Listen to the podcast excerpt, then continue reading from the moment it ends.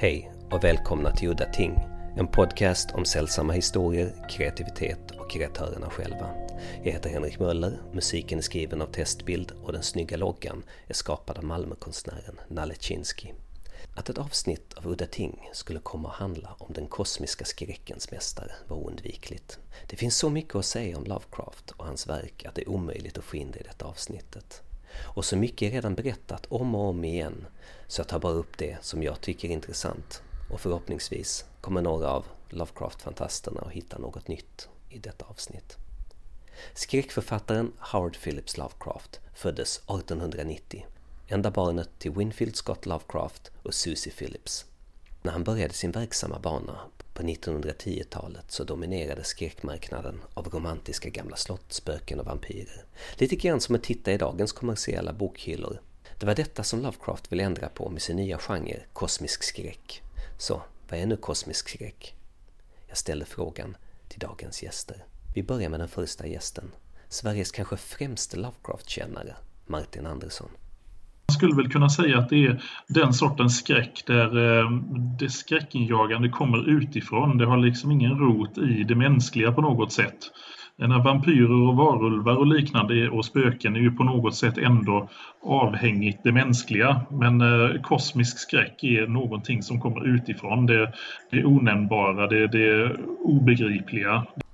Författaren Ramsey Campbell berättar. A sense of utter awe, at the immensity of the universe and the alienness of it. And um, I mean, for me, Lovecraft possibly sums it up best of all in The Color Out of Space, which is, you know, his ultimate symbol of something that's completely unknowable and indescribable. But it, it's such a simple metaphor for for for you know what, what, all that is out there that we cannot possibly comprehend. You know, it's essential to cosmic terror. It's, it's essential to Lovecraft. But there's that wonderful line, is there not, in H.G. Wells in, in in the War of the World? You know, uh, intelligences vast and cool and unsympathetic are are regarding us. And I can't help feeling that, you know, Lovecraft greatly admired the War of the Worlds and that maybe there are elements of, of that in, in, in, in a story like, say, the, the Call of Cthulhu, if I'm, if I'm pronouncing him correctly. And perhaps it's better I shouldn't pronounce him too correctly in case he manifests himself as we speak. Sean Branney, som tillsammans med Andrew Leman driver H.P. Lovecraft Historical Society. We know so much about the world, you know, and, and we can see every bit of it from satellite, and we can use GPS to know where we are. And with the exception of the deep oceans, there's really not very much left on Earth that's deeply unknown and, and you know, truly still a mystery. But when when you look outside, you know, to the, the universe as a whole, you know, our, our understanding of it is while it improves all the time, it's still so crude and we're always dwarfed by vastness of the amount of space and the fact that you know when you look at the stars you're looking back in time you're what's really out there is really pretty much completely beyond our our understanding even with the best science we have now. And to place the source of his horrors out there in that unknowable darkness that never goes away. Um, and that in some ways, actually, the more we learn about it, the more frightening it becomes. Författaren Cody Goodfellow. I think so many, like so many readers who come across Lovecraft and are really, really imprinted by uh, uh, by his work and his cosmology uh, in adolescence, because that's the time when you're first having first really come to grips with true existential dread uh, and uh, really come to see the and understand the the you know the the scope of the uh, uh, of of time and the the relative insignificance of any one individual or even of our species. And so Lovecraft gives you a very colorful, very dynamic set of metaphors, a, a whole mythology, a folklore for atheists almost, and uh, a, a way of a way of looking at that at that universe that isn't just empty and still and dead and static, but is at the same time uh, does capture that sense of it being utterly inscrutable and inchoate. And if if it's conscious at all, it's it's more than a little pissed at us for some reason. Anders Lundgren som driver Lovecraft-festivalen i Sverige förtjänsten med kosmisk skräck är ju att den eh, detroniserar mänskligheten. Tar ner mänskligheten från hybrisartade positionen som man har eh, etablerat själv som skapelsens krona. Det tilltalar mig med tanke på hur mänskligheten agerar eh, på sin egen lilla planet idag. Producenten och regissören Brian Jössner. Lovecraft's line, which is a disturbing conviction that all life is only a deceptive dream with some dismal or sinister horror lurking behind. You know, when Poe was writing, he was strictly in the Gothic romance tradition. And Lovecraft kind of got rid of the romance and got rid of religion. So he did horror that had no, you know, no religion to it. I mean, you know, we remember Bram Stoker and Dracula. It was very much about religion. It was really about uh, the cross would stop the vampire. S.T. Joshi, världens kanske främste Lovecraft-forskare. Uh, stories that depict uh, the the insignificance of humanity within the realm of the cosmos, both temporally and in, in space. Uh, in fact, I think for him, the, the time element may have been even more important because, you know, he said in an essay, conflict with time is the greatest, uh, for me, the greatest uh, source of human expression. Uh, and we can see that in stories like The Shadow Out of Time and At the Mountains of Madness, which, to my mind, are two of the greatest stories of cosmic horror uh, ever written. Um, and, you know, I think really it is a genre that Lovecraft I wouldn't say absolutely invented, but certainly worked more impressively than others. Gwen och Brian Callahan som driver Lovecraft-festivalen i Portland, USA. I would describe it as the horror of discovery because all these characters discover something or they gain knowledge that they can't un- then unknow, but they like nobody else knows it. I feel I'm the one who knows this thing, and I have to carry this burden with me like forever, and I can't really describe it to anybody else because they'll all think I'm crazy. Or, And so I can't really or, warn people because they won't believe me. or, or if you could and would, you would be spreading that sort of infection of knowledge. I mean, it's it's so relevant to the time we live in. I think you know more more than ever we start to feel sort of disconnected, you know, from uh, not just the people around us, but from the planet we live on.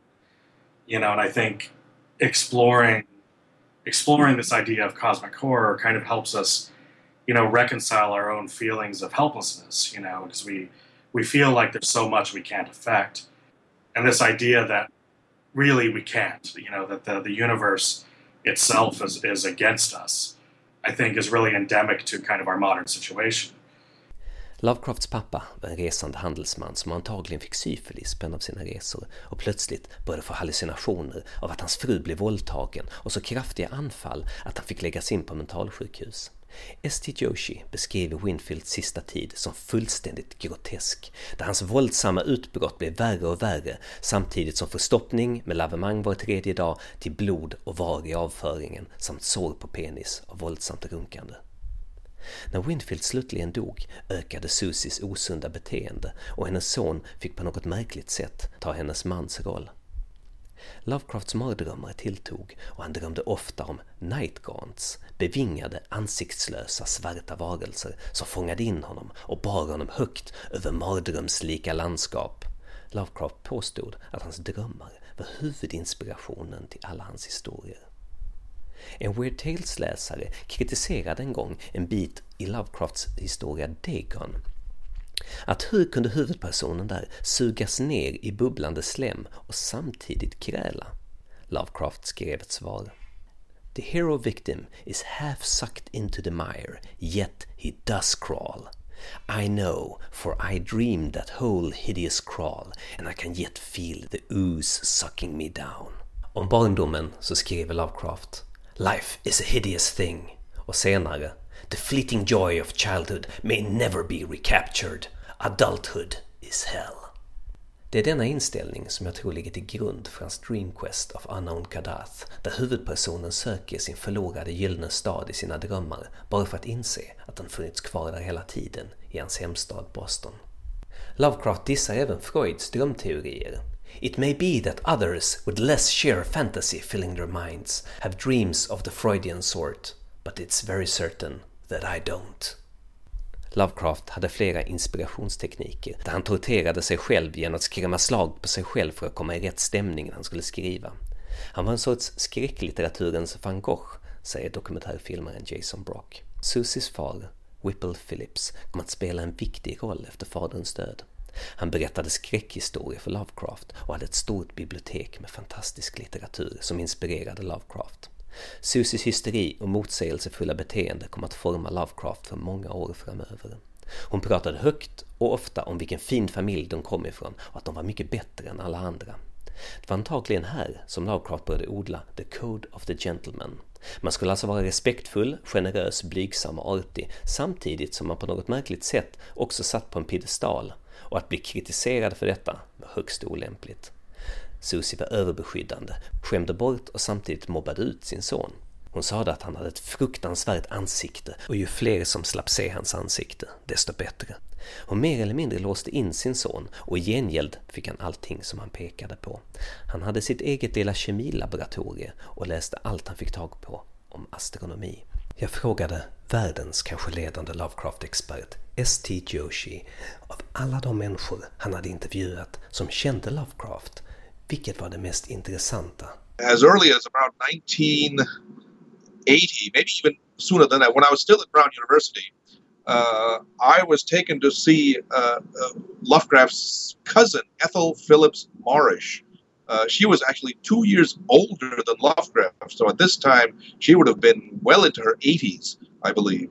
Uh, Uh, she lived a few blocks down the street from Lovecraft uh, uh, in Providence, and she would come over and actually play with Lovecraft when he was a, a, small child. I mean, she could remember Lovecraft when he was four years old, uh, and she has some incredible memories of, of the young Lovecraft. The first memory she had of him, and I'm sure I, I write this in my book, she saw this four year old boy sitting on, in a chair with this huge book on his lap and turning the pages very solemnly, even though I'm sure he couldn't really read the book, but it, it just shows how, how Lovecraft was already a sort of a bookworm even when he was four years old. And uh, uh, he, she, she didn't really like Lovecraft because he didn't know how to play very well, and he didn't want to play. He, it was very studious and, and sort of stiff in his manner and not really like a, like a normal child. Läsa och skriva historier, det hade han redan börjat med vid sex års ålder. De gånger han gick ut gick han raskt dit han skulle med kragen uppdragen och tittade ner i marken för att undvika folk. En klasskamrat mindes Lovecraft väl från skoltiden, då han vid upprepade tillfällen fick märkliga anfall och kastade sig upp ur skolbänken. S.T. Joshi. These sort of uh, uh, uh spastic, uh, uh, uh nervous uh, that Lovecraft had, that he would actually jump up in his chair in school. Uh, yeah, I mean, uh, this has led to some conjecture that Lovecraft might have had what is called chorea, uh, uh, some sort of childhood disease that affects the nerves. Uh, it, it's only conjecture, of course, because we, don't have any uh, documentary evidence of that. But uh, it's a very interesting hypothesis. It may account for some of the some of the, the, the health problems that Lovecraft had as a child. I think these these symptoms dissipated later in life. Um, so, but clearly, as a child, he was very nervous and, and probably psychologically uh, uh, troubled in some ways. Slutligen blev hans situation ohållbar och Lovecraft stannade hemma på grund av de så kallade anfallen till följd av hans känsliga nervsystem. Ingen vet säkert vad det var, men med tanke på hans hemsituation var det kanske inte så konstigt. Slutligen, 1919, spärrades även modern in på samma mentalsjukhus som fadern och hon dog 1921 till följd av en gallblåsoperation. Efter moderns död började Lovecraft tillfriskna från sina nervösa drag och han hade redan sedan en tid tillbaka varit med i United Amateur Press Association och det var där han skulle träffa sin blivande fru, Sonia Green. Sonia tog med sig Lovecraft till New York där han började umgås i litterära kretsar och skriva skräckhistorier för tidningar som Weird Tales. Lovecraft spökskrev en novell till Houdini, en person som Lovecraft inte gillade utan tyckte han var en liten man med stor trut och irriterande manér. Däremot så träffade han Ron L. Hubbard, scientologins skapare, på en litterär middag när denne vid tiden skrev fiction. Lovecraft och Hubbard var låsta i en diskussion en stor del av kvällen och efteråt lär Lovecraft ha sagt “That young man is quite extraordinary” under ett besök på Metropolitan Museum rörde Lovecraft vid en egyptisk stenvägg och fick en allergisk reaktion så hans hand svullnade upp. Lovecraft reagerade med fascination och gick runt och visade upp handen för alla som ville se och höra historien bakom. Författaren Mattias Fyr berättade att han också rörde vid väggen 80 år senare, men att inget hände. De flesta av Lovecrafts litterära vänner var bara något år yngre än honom själv, men han kom att kalla sig själv The Old Gentleman och dem för sina grandchildren. Det var tydligt att han var läromästaren i gruppen och han kunde hålla låda i timmar där alla satt fängslade och lyssnade. Trots detta störde sig vissa på hans röst och den beskrevs som allt från squeaky till vacker klar falsett. En bekant som en gång fick honom att skratta sa att hans skratt var så groteskt att han aldrig mer ville få honom att skratta och beskrev skrattet som a B-movie actors version of the mad hermit laugh. Ett kacklande ljud. Den enda ljudinspelningen som lär ha funnits med säkerhet, det är den som Lovecraft själv berättar om. En inspelning på skiva när han som barn sjöng in en sång. Bara för att skämmas så mycket vid uppspelningen att han genast slog sönder den. Robert Barlow beskriver när Lovecraft högläste sina historier att han med dramatisk, hotfull röst och ett 1800-talsuttal där till exempel servant blev sarvant och my blev me. Angående jobb det finns en fantastisk tragikomisk arbetsansökan där Lovecrafts sociala handikapp når sitt crescendo och han skriver alla sina dåliga sidor och att han inte förstår varför de skulle vilja anställa någon som honom. Sonja fick fortsätta försörja Lovecraft. När Sonja blev tvungen att lämna New York stannade Lovecraft envist kvar och levde under existensminimum. Situationen blev så desperat att hans vänner misstänkte att han tänkte ta livet av sig. Lovecraft själv skrev om New York. I was stifled, poisoned, imprisoned in a nightmare, and now not even the threat of damnation could induce me to dwell in that accursed place again. Bästa vännen Frank Long korresponderade med Lovecrafts moster i Providence om att han skulle få resa tillbaka och bo hos henne. Det fick han. Och det finns en lång skriftlig utläggning av klassisk absurd Lovecraft-glädje när han genom tågfönstret fick se sitt älskade Providence dyka upp runt en krök. His Majesty's Providence of Rhode Island. God save the King! Versaler och ett utropstecken. I fumble with bags and wraps in a desperate effort to remain calm. Then, a delirious marble dome outside the window, a hissing of brakes, surges of ecstasy and droppings of clouds from my eyes and mind. Home, Union Station, Providence! Tre stycken utropstecken. Lovecrafts liv skulle bitvis kunna bli en riktigt bra komedi.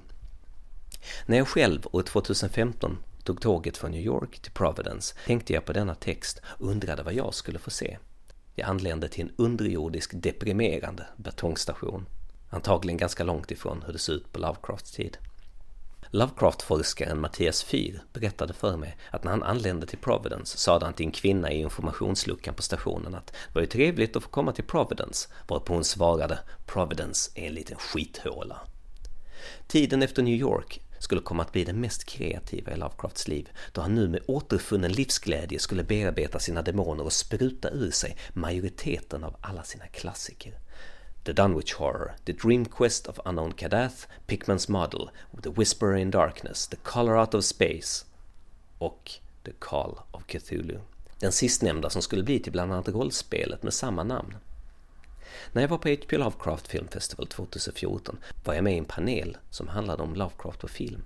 Alla vi som satt i panelen var ungefär lika gamla och alla hade vi blivit introducerade till Lovecraft via rollspelet The Call of Cthulhu.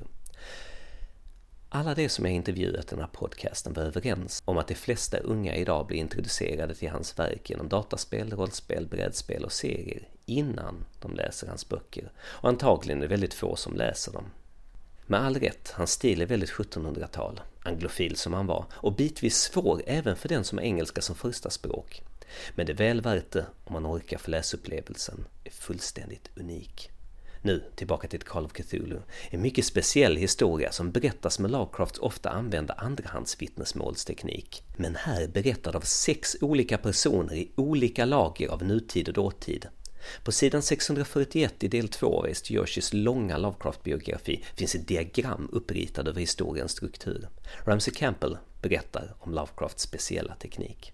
Because I've just very recently written the introduction to a new reissue in Britain of the case of Charles Dexter Ward, and I don't know, I can't think of a novel that is so indirect in its narrative that so many things are overheard or not quite seen or, or reported, as you say, by you know at one or two removes by somebody who's telling somebody else who's telling the reader. Um, so, so far from being this old cliche about Lovecraft not describing things, he suggests things by by indirection. I mean, the case of Charles Dexter Ward actually just seems to be one of the great indirect narratives of our field. Um, is the sense of extraordinary sense of structure in his best work. This you know tremendously organized, highly developed structure. And because after all, you know, he his aim was to try and find the perfect form for what he would call the weird tale. I'd call a supernatural horror story, but we, we mean the same thing. And the other thing that's crucial to me about Lovecraft is the very careful use of language. I mean, you, you sometimes have these absurd claims that Lovecraft, you know, had no sense of language. Nothing could be further from the truth. Um, you know, you, something like the rats in the walls, the, the, the color out of space, Call of Cthulhu again, um, the enormously modulated uh, use of language, uh, extraordinary number of different voices, different prose styles within the single story. Um, and if you look a little bit, little bit wider, you know, you go all the way from something, you know, sort of prose poetry of something like The Outsider to the very conversational monologue of Pickman's model to the very, very documentary approach of something like The Whisper in Darkness or At the Mountains of Madness. And really, there's so much to Lovecraft. Um, it's almost a bit like Beethoven, I think. There's so much to find in there that I'd never tire of going back to him.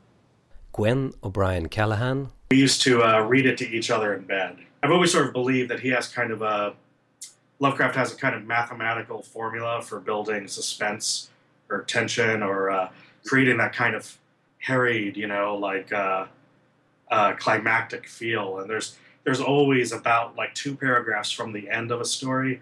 There's always this kind of breathless litany of adjectives, which when you read it aloud, it becomes this sort of like dr- droning, driving, you know, thing. You know, grotesque saraband of nightmare, you know, and uh, all of these phrases that I think really make Lovecraft work when you're reading them out loud. And we used to do that. Sean Branney. Well, he did. They came from really from two places, and then they tended to, to collide. Interestingly, a lot of the horror and a lot of the fear in the work is all grounded in his subconscious. You know, the fear fear of women, the fear of madness, you know, it all comes through, you know, events of his childhood and his, you know, his upbringing and collapse of his own family and family fortune and the whole kind of fall of the House of Usher kind of thing. I think that Lovecraft saw for himself. So you've got these unconscious underpinnings many of which would then manifest themselves in the, in his dreams. A more active dreamer than I've ever been. You know, I'm I'm not much of a dream guy, and to hear you know his descriptions of some of the things he dreamed, people uh, to sit and have extraordinary dreams about different types of architecture and stuff. You know, it's just really interesting how his interests manifested themselves unconsciously through his dreams. And the second thing is he he really pulled a lot of inspiration from current events and science and things that were in the newspaper and a lot of things, you know, like the the earthquake that that happens in Call of Cthulhu, where you know everybody in New England's having dreams. There was a real earthquake that actually you know happened right around the time, and Lovecraft used that, and he used all kinds of actual you know real world news events, things that were of interest to him that were happening around the world. Cody Goodfellow. Uh, it was it was a uh, thing in popular culture in America. Well, there was there was even a newspaper strip by Winsor McCay called "Dreams of the Rarebit Fiend," wherein uh, people would have these these very bizarre nightmares. Uh, you know, just like they're sinking into they're sinking into the ground, and the ground becomes cheese, and then they wake up and they go, "Oh, I'm not eating that cheese again before I go to sleep."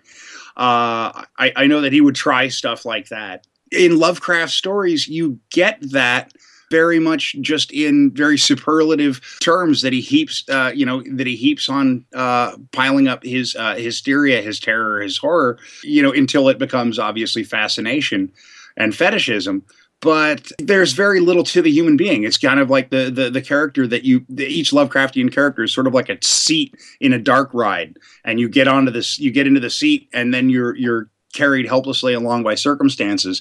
Producenten och regissören Brian Yuzna. When I first read it, I didn't like it. I mean, I just thought I thought it was difficult to read the same way as Frankenstein is. Um, and it always talked around stuff with real long run on sentences and kind of an archaic style, which was purposefully archaic even in Lovecraft's time. Um, the, the thing that bothered, that I didn't like about it, is you would read the short story and it'd be leading up to something. But when it got there, uh, like as not, the protagonist would faint. He would see something horrible and he would faint. And you go, well, shit, just when it's getting good? S.T. Joshi.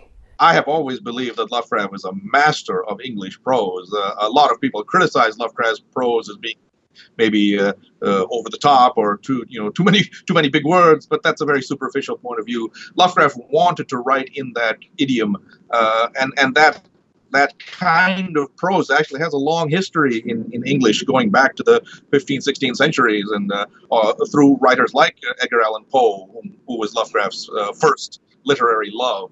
What Lovecraft wanted to do with this dense, richly textured prose was to create a kind of atmosphere and aura of, of uh, weirdness and terror that he felt and I think rightly, could not have been conveyed in any other fashion. Uh, in effect, it becomes a sort of incantation. He weaves a spell through words, causes the the, the, the real world to fade away and the, the and, and the world of his of his imagination to take over your mind.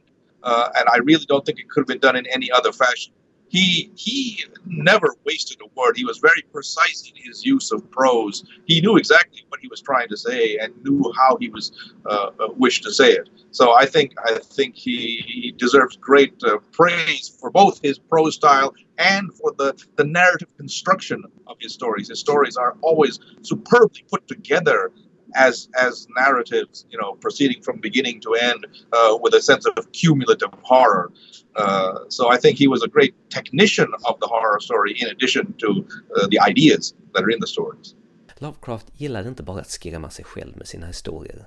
Martin Andersson berättar. Eh, det var Helen Sully som var, som var dotter till, eh, till en väninna till eh, Clark Ashton Smith. Hon var väl hon var 16 år yngre än Lovecraft. Hon skulle göra en, en resa längs, längs östkusten. Hon kom till, till Providence och Lovecraft som, som alltid, den perfekta gentlemannen, såg till att hon, hon aldrig behövde betala för några måltider eller något sånt där trots att han själv knappt hade råd att, att äta. Men så bland annat så tog han ju med henne då till, till St. Johns eh, kyrkogård i, i Providence dit han gillade att ta med sina, sina kompisar när de var på besök och eh, berätta spökhistorier för dem på nätterna. Och eh, han, han skrämde ju fullständigt slag på den här stackars flickan som, som flydde i panik därifrån. Och Lovecraft, hon har beskrivit i sin lilla minnestext av det här, den här händelsen hur, hur Lovecraft kom efter henne och han hade en, en min av triumf i ansiktet när hon, när hon såg honom efteråt han var väl ganska nöjd med sig själv med, med effekten han hade lyckats uppnå där. Det här var alltså en date med Lovecraft. En annan väldigt debatterad grej är mytologin, The Cthulhu Mythos. Det vill säga att allt som Lovecraft skrev om hänger ihop och utspelar sig i samma universum. Lite grann som Tolkien gjorde med sin Middle Earth. Det påstås hur som helst att det var förläggaren August Derleth som hittade på den termen, men i ett brev till Robert Barlow nämner faktiskt Lovecraft, citerat ordagrant, Cthulhu and his mythos cycle. Så det fanns alltså en tanke i den banan från Lovecraft. Så, vem var nu Robert Barlow, som jag nämnt tidigare i den här podcasten? För alla dåliga sidor Lovecraft hade, som jag valt att inte gå in på här, var han oerhört generös, tog alltid tid att svara på alla sina brevvänner och korreläsa deras historier. Några av dessa var unga författare och fans mellan 14 och 16 år som Willis Conover och Robert Block, som senare skulle skriva Psycho. Man underkastade sig ordlekar och skämtsamma historier fram och tillbaka för att underhålla sina unga fans. Något som man annars inte gillade. En annan av dessa fans var en otroligt begåvad men ensam och deprimerande 14-åring vid namn Robert Barlow. Först förstod inte Lovecraft att han bara var 14 år eftersom hans språk var så vuxet och avancerat. Han bjöd in Lovecraft att bo hos honom i Florida. Lovecraft identifierade sig med Barlow och hans brev till honom är bland de mest sympatiska och mänskliga man kan finna. Idag kan det tyckas extremt märkligt att en 40-årig man blir vän med en 14-årig pojke och bor hos honom med han och hans föräldrar i över en månad. Barlow berättar om den tiden. Vi rodde på den lilla sjön, lekte med mina katter och promenerade längs landsvägarna medan vi fantiserade ihop historier till sent på natten. Barlows föräldrar fick tvinga sin son att gå och lägga sig. Efter Barlow hade gått och lagt sig sent på kvällen stannade alltid Lovecraft uppe eftersom han föredrog att skriva på natten och började därför påföljande morgon med att gå och lägga sig. Nästa dag berättade han ofta om sina drömmar för familjen Barlow. När han inte konverserade så skrev han och han hade alltid med sig en smutsig väska full av papper och ett halvt dussin brev han skulle svara på. Lovecrafts anteckningsbok, The Commonplace Book, som han skrev sina idéer till historier i, finns bevarad på John Hay Library i Providence. Mattias Fyr, författaren till den första svenska Lovecraft-analys och biografin Död men drömmande, för övrigt en mycket originell bok, mycket väl värd att läsa. Han har även skrivit och gett ut en svensk översättning av anteckningsboken utifrån originalet. Jag blev intresserad. Hur bär man sig åt för att få läsa originalet av denna slitna gamla bok som jag vet, likt nästan alla andra Lovecrafts ägodelar, är otroligt värdefulla, otroligt dyra. Mattias Fyr berättar själv över en brusig telefonlinje. Det, det var ju lite svårt att, att få det till stånd till att börja med. Jag skrev till dem först där och eh, John Hay Library och sa eh, att jag var forskare och att jag skulle ge ut den där på svenska och att jag behövde kolla i originalet.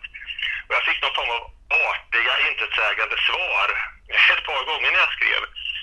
Så sen när jag kom dit då så eh, hade de inte tagit fram boken eh, och jag eh, presenterade mig för någon annan bibliotekarie där och vi lämnade över faktiskt ett exemplar av Död men drömmande.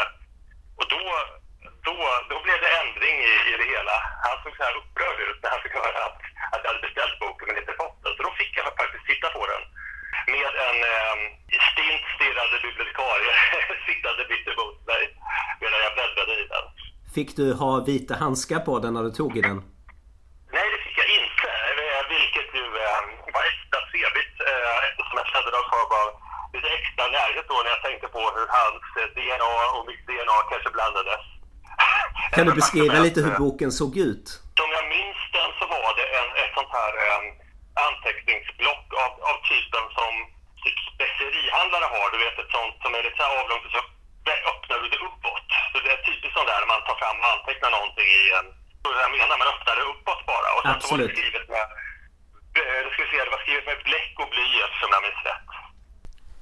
Lovecraft skrev nästan allting för hand och hatade att skriva på maskin.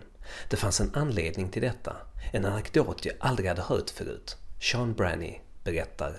Lovecraft, you know, he famously hated typing, and for some of his stories, like uh, you know Charles Dexter Ward, the story was so long, and he hated typing so much that there was never a typescript made in his life. It was only after he died that his friends found the handwritten manuscript and went ahead and typed it up. But the reason he he hated typing so much, it turned out, is his typewriter was a type of typewriter which is called an understrike, and in most typewriters, uh, you know, of, of the period you know, you hit the hit the J key, and an arm reaches forward in front of you, and you watch it, and it hits the paper uh, through the ribbon, and it makes an impression of a J on the page, and then you type O, and the O key strikes forward.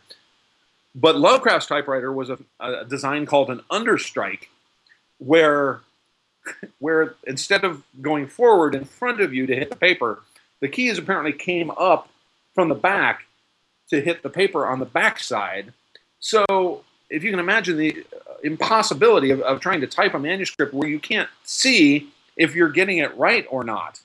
Um, and of course, you know, he was he was so poor that that actually buying paper was a, a significant expense to him.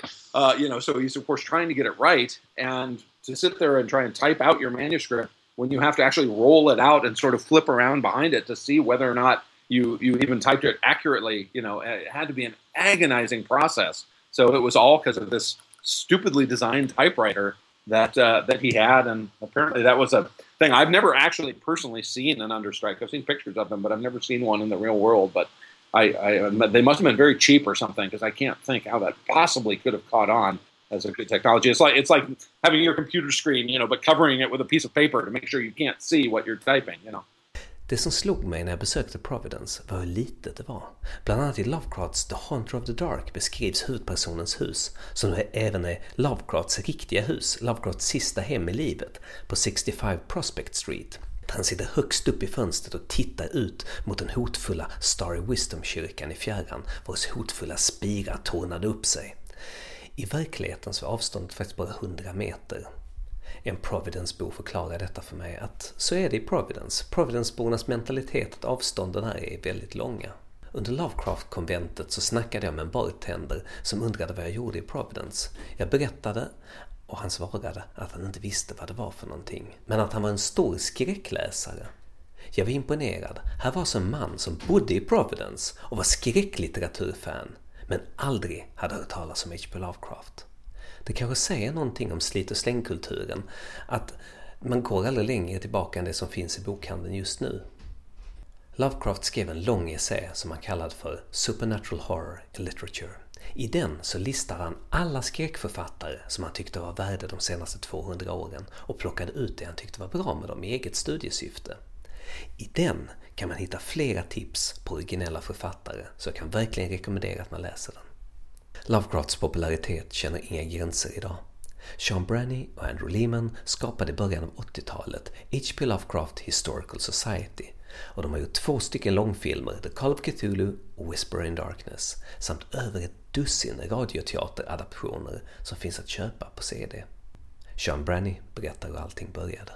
Like me, uh, my colleague Andrew was a theater guy, uh, so we met early 1980s uh, doing a play in uh, Denver, Colorado, which is where, where we're both from. And so we did this play together, and around that time, uh, a friend had given me a first edition box set of the uh, the, the role playing game Call of Cthulhu by Chaosium. And when I was younger, I had played a lot of Dungeons and Dragons and stuff, and this this Lovecraft game looked pretty interesting. And so I invited Andrew and a couple of other friends over to my house to play.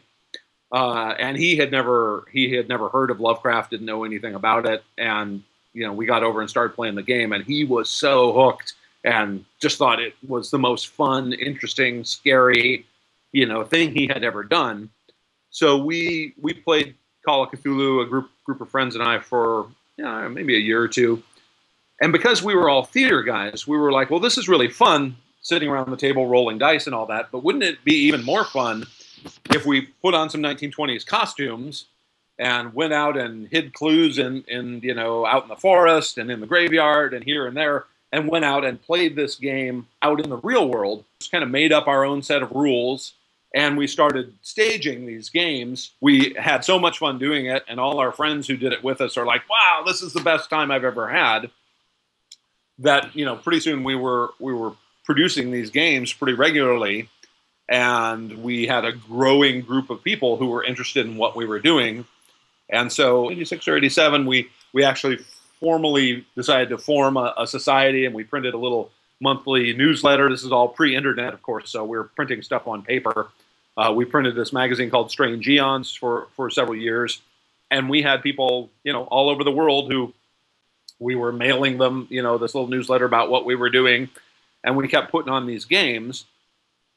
And over the years, the games became more and more complicated. And in the first ones, you know, it might just take you know, a night or two, and we'd go over to your basement, and then we'd go, you know, find somebody else's house. And as we became more ambitious, we, we for instance, we rented a mansion and you know had a full catered dinner party, you know, kind of thing at this haunted mansion sort of thing where a giant sword fight broke out, and you know, all kinds of the staging became more and more complex, and then we got to where we we're renting vehicles and Andrew did one with a, a, whole Indian tribe and a herd of horses. I did one on boats out in the Pacific Ocean. He did one inside the British Museum.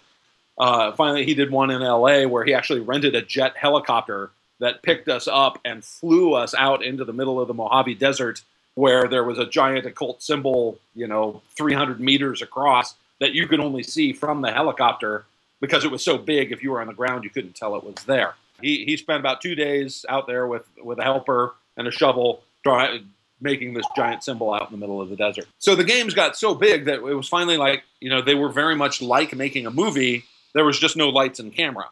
Maybe instead of, you know, keeping doing these these games, which are really, really fun, but for a very small group of people generally, you know, most of our games had less than 12 participants in them, that maybe we should actually get a, mo- uh, a camera and uh, some lights and actually make a movie instead, something we could share with a wider audience. So we did a little uh, mockumentary film back, I don't know, it was around 2000 or so, uh, called A Shoggoth on the Roof about a failed attempt of a theater group to stage a Broadway musical that mixed the works of H.P. Lovecraft with the music of Fiddler on the Roof. It ended up showing at the Lovecraft Film Festival in its second or third year. They had just sort of begun. And so then we realized that if we made things like movies or audio CDs, you know, we could share them with a wider audience uh, who was interested in what we were doing, and we could actually, you know, run this as a small business.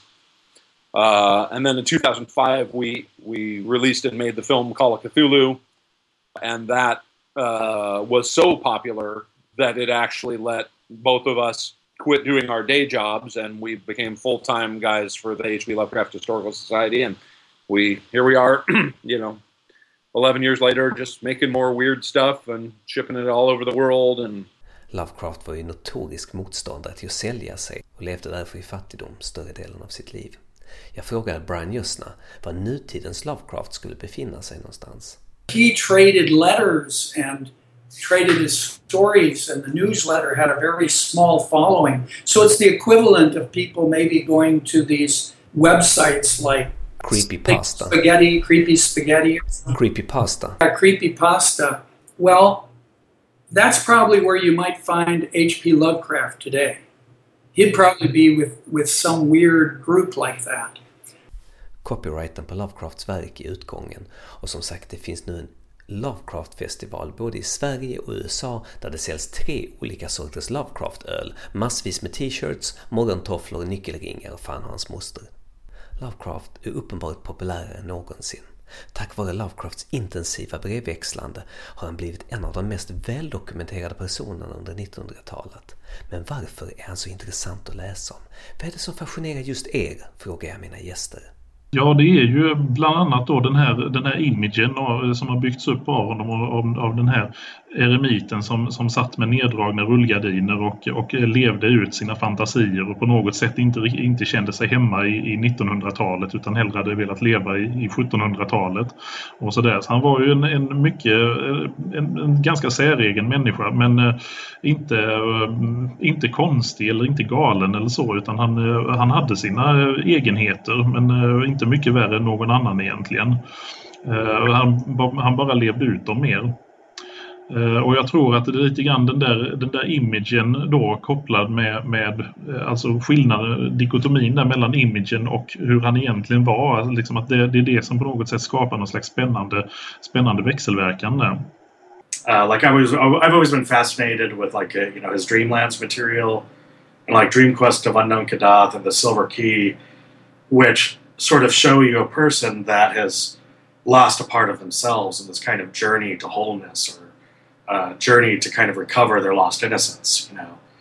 Um, and that's it's that sort of writing is not something that's often attributed to Lovecraft, but he really had a pretty wide range. He even wrote at least one fairly straight comedy, although no, almost nobody reads it. Sweet Ermengarde. Sweet Ermengarde. yeah. It's a it's a comedy of manners. Yeah. Okay. Yeah. Uh, the people that he corresponded with, and, and the just the stuff we know about Lovecraft's life, that he was actually a funny guy. You know, you sort of want him to be this kind of cloudy, gloomy, inward facing nerd, right? Who can't talk to people, but apparently he was actually like really charming and got along with everybody. När Lovecraft 1937 dog en plågsam död av inälvscancer och sviktande njurar hade han fört en så kallad dödsdagbok som sedan testamenterades till Robert Barlow.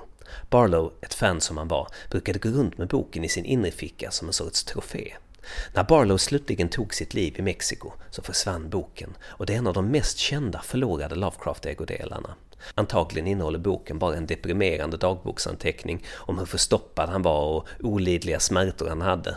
Men såklart så kan det inte låta bli att spekuleras att på grund av att Barlow skyddade boken och bar med sig den, att den skulle innehålla en sorts förbjuden kunskap, en sorts Lovecrafts egen Necronomicon-bok. När man läser alla de här Lovecraft-biografierna så får man så enormt många Lovecraft-anekdoter. Det finns hur många som helst. Så jag frågade därför mina gäster vilken som var deras favorit Lovecraft-anekdot. There was another Providence writer named C.M. Eddy and his wife Muriel in their memoir about Lovecraft talk about going out to dinner at a restaurant in Providence with uh, Sam Eddy, his wife Muriel, H.P. Lovecraft, and Harry and Bess Houdini. And they went to the restaurant, and apparently Mrs. Houdini spent the entire evening with a large cockatoo perched on her shoulder. And for dinner, Lovecraft ordered half a cantaloupe with the seeds scooped out and the center filled with ice cream. I just, you know, I, I love the notion of, of Lovecraft having dinner with the Houdinis anyway. Um, and then, you know, it, it, just paints such a vivid picture to me of, of uh, you know, Bess Houdini there with her cockatoo squawking all the way through the meal. Lovecraft is having a bowl of ice cream for dinner and uh, inside a cantaloupe, which is not something I've ever heard of. I'm sure having dinner with, with Houdini would be a pretty interesting thing to do. But for Houdini to want to have dinner with a guy like Lovecraft, whom they had met at least once before this in uh, Lovecraft had visited him in New York after after doing uh, Imprisoned with the Pharaohs. Um, that you know clearly he was an interesting enough guy that you know one of the world's top celebrities at the time would choose to uh, go have dinner with this Providence writer. So. Julius Schwartz som ju var en, en legendarisk serietidningsredaktör på, på äldre dagar då på DC var det väl framförallt. Och Schwartz hade ju varit Lovecrafts eh, agent och eh, de träffades eh, en enda gång på någon författarmiddag i New York och, och, det, enda, det enda då Schwartz kom ihåg var att ja, han, var, han var mycket lång och pratade hela tiden. tells the famous story of Lovecraft as a child, again, probably about seven or eight years old, going out into the field and, and, and setting a fire. But uh, and, and some uh, adult uh, person came saying, "What, what are you doing, uh, boy? Why are you setting this fire?" Uh, it's spread all over. And he says, "No, I'm setting a fire one foot by one foot." Uh, he was very precise in the kind of fire he wanted to do. It was a sort of scientific experiment. And then another another neighbor of Lovecraft's, Clara Hess, again knew Lovecraft when he was a boy, a teenager, and uh, you know he, he tried to get her interested in astronomy. Look through his telescope and look at the stars but but she says no i'm not interested. It's just so she says oh i left him uh, to his lonely study of the heavens. Uh, very poignant uh, Lovecraft really didn't he had some friends in, in, in, you know when he was a young boy but not many. And i think he led a fairly solitary childhood in, in his last letter, that last letter he, he left unfinished at his death, there's sitting on his desk about 40 pages of, of this tiny handwriting with, you know, for which Lovecraft was famous. Um, he describes what appears to have been his last walk before he fell so ill that he couldn't leave his apartment. And he'd, he'd gone to a, a forest outside of Providence, and apparently two, two kittens appeared ahead of him through the trees um, and kind of led him into this forest, you know, uh, this kind of almost mystical experience. And it, you know, it's so utterly typical of Lovecraft, you know, the love of cats, as we know, but also, you know, this kind of magical place into which he's being led by, well, two creatures that could almost be characters out of one of his more benign tales, you know, one of the dreamland stories. And so, well, I, that's not quite an anecdote, but I always, I always kind of found myself wishing, well, you know, maybe he's still in that forest with the cats, and that forest will never end for him. Och det blir med Ramsey Campbells ord som vi avslutar det här avsnittet. Det finns så mycket mer att ta upp att minst två avsnitt till skulle behöva fyllas. Men det får räcka med det här avsnittet. Om man aldrig har läst Lovecraft förr så rekommenderar jag att man börjar med de bästa historierna han har skrivit och sen tar det därifrån. Till exempel The Color Out of Space, The Dunwich Horror, Shadow over Innsmouth eller The Call of Cthulhu. Historier som till exempel The Dream Quest of Unknown Kadath eller At the Mountains of Madness är förvisso bra, men det är absolut ingenting jag kan rekommendera att man börjar med. För de som vill fördjupa sig mer i Lovecraft som person så kan jag rekommendera Esti Yoshis 1000-sidiga biografi I am Providence. Bästa vännen Frank Belknap Longs biografi Dreamer on the Night Side som trots förläggarens omskrivningar behåller en sorts förstahandsvittnesmål av Lovecraft som person. Mattias Fyrs Död men drömmande samt hans översättning av anteckningsboken Willis Conovers brevväxling med sin idol Lovecraft som kunde ha blivit ett ganska stelt upplägg är här genialt och underhållande genomfört. O Fortunate Floridian är Lovecrafts brev till Robert Barlow och om ni vill flabbot absurd galghumor så kan jag rekommendera den kontroversiella författaren Michel Houellebecqs H.P. Lovecraft Against the World, Against Life. Ja, ni hör själva. Han fördjupar sig alltså i Lovecrafts misantropiska sidor in absurdum. Betydligt mer humorbefriad är den tidiga och kritiska Lovecraft-biografin av L. Sprague de Camp som inte bara går hårt aggressivt åt Lovecraft utan även är full av faktafel.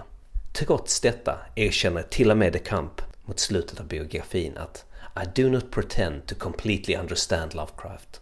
Lovecraft var svårgreppbar och unik och en sak är säker, för det återkommer igen och igen att han gjorde intryck på alla som träffade honom. Definitivt en av de stora konstnärerna på 1900-talet. Det var allt för den här gången. Jag heter Henrik Möller och musiken är skriven av Testbild. Hejdå!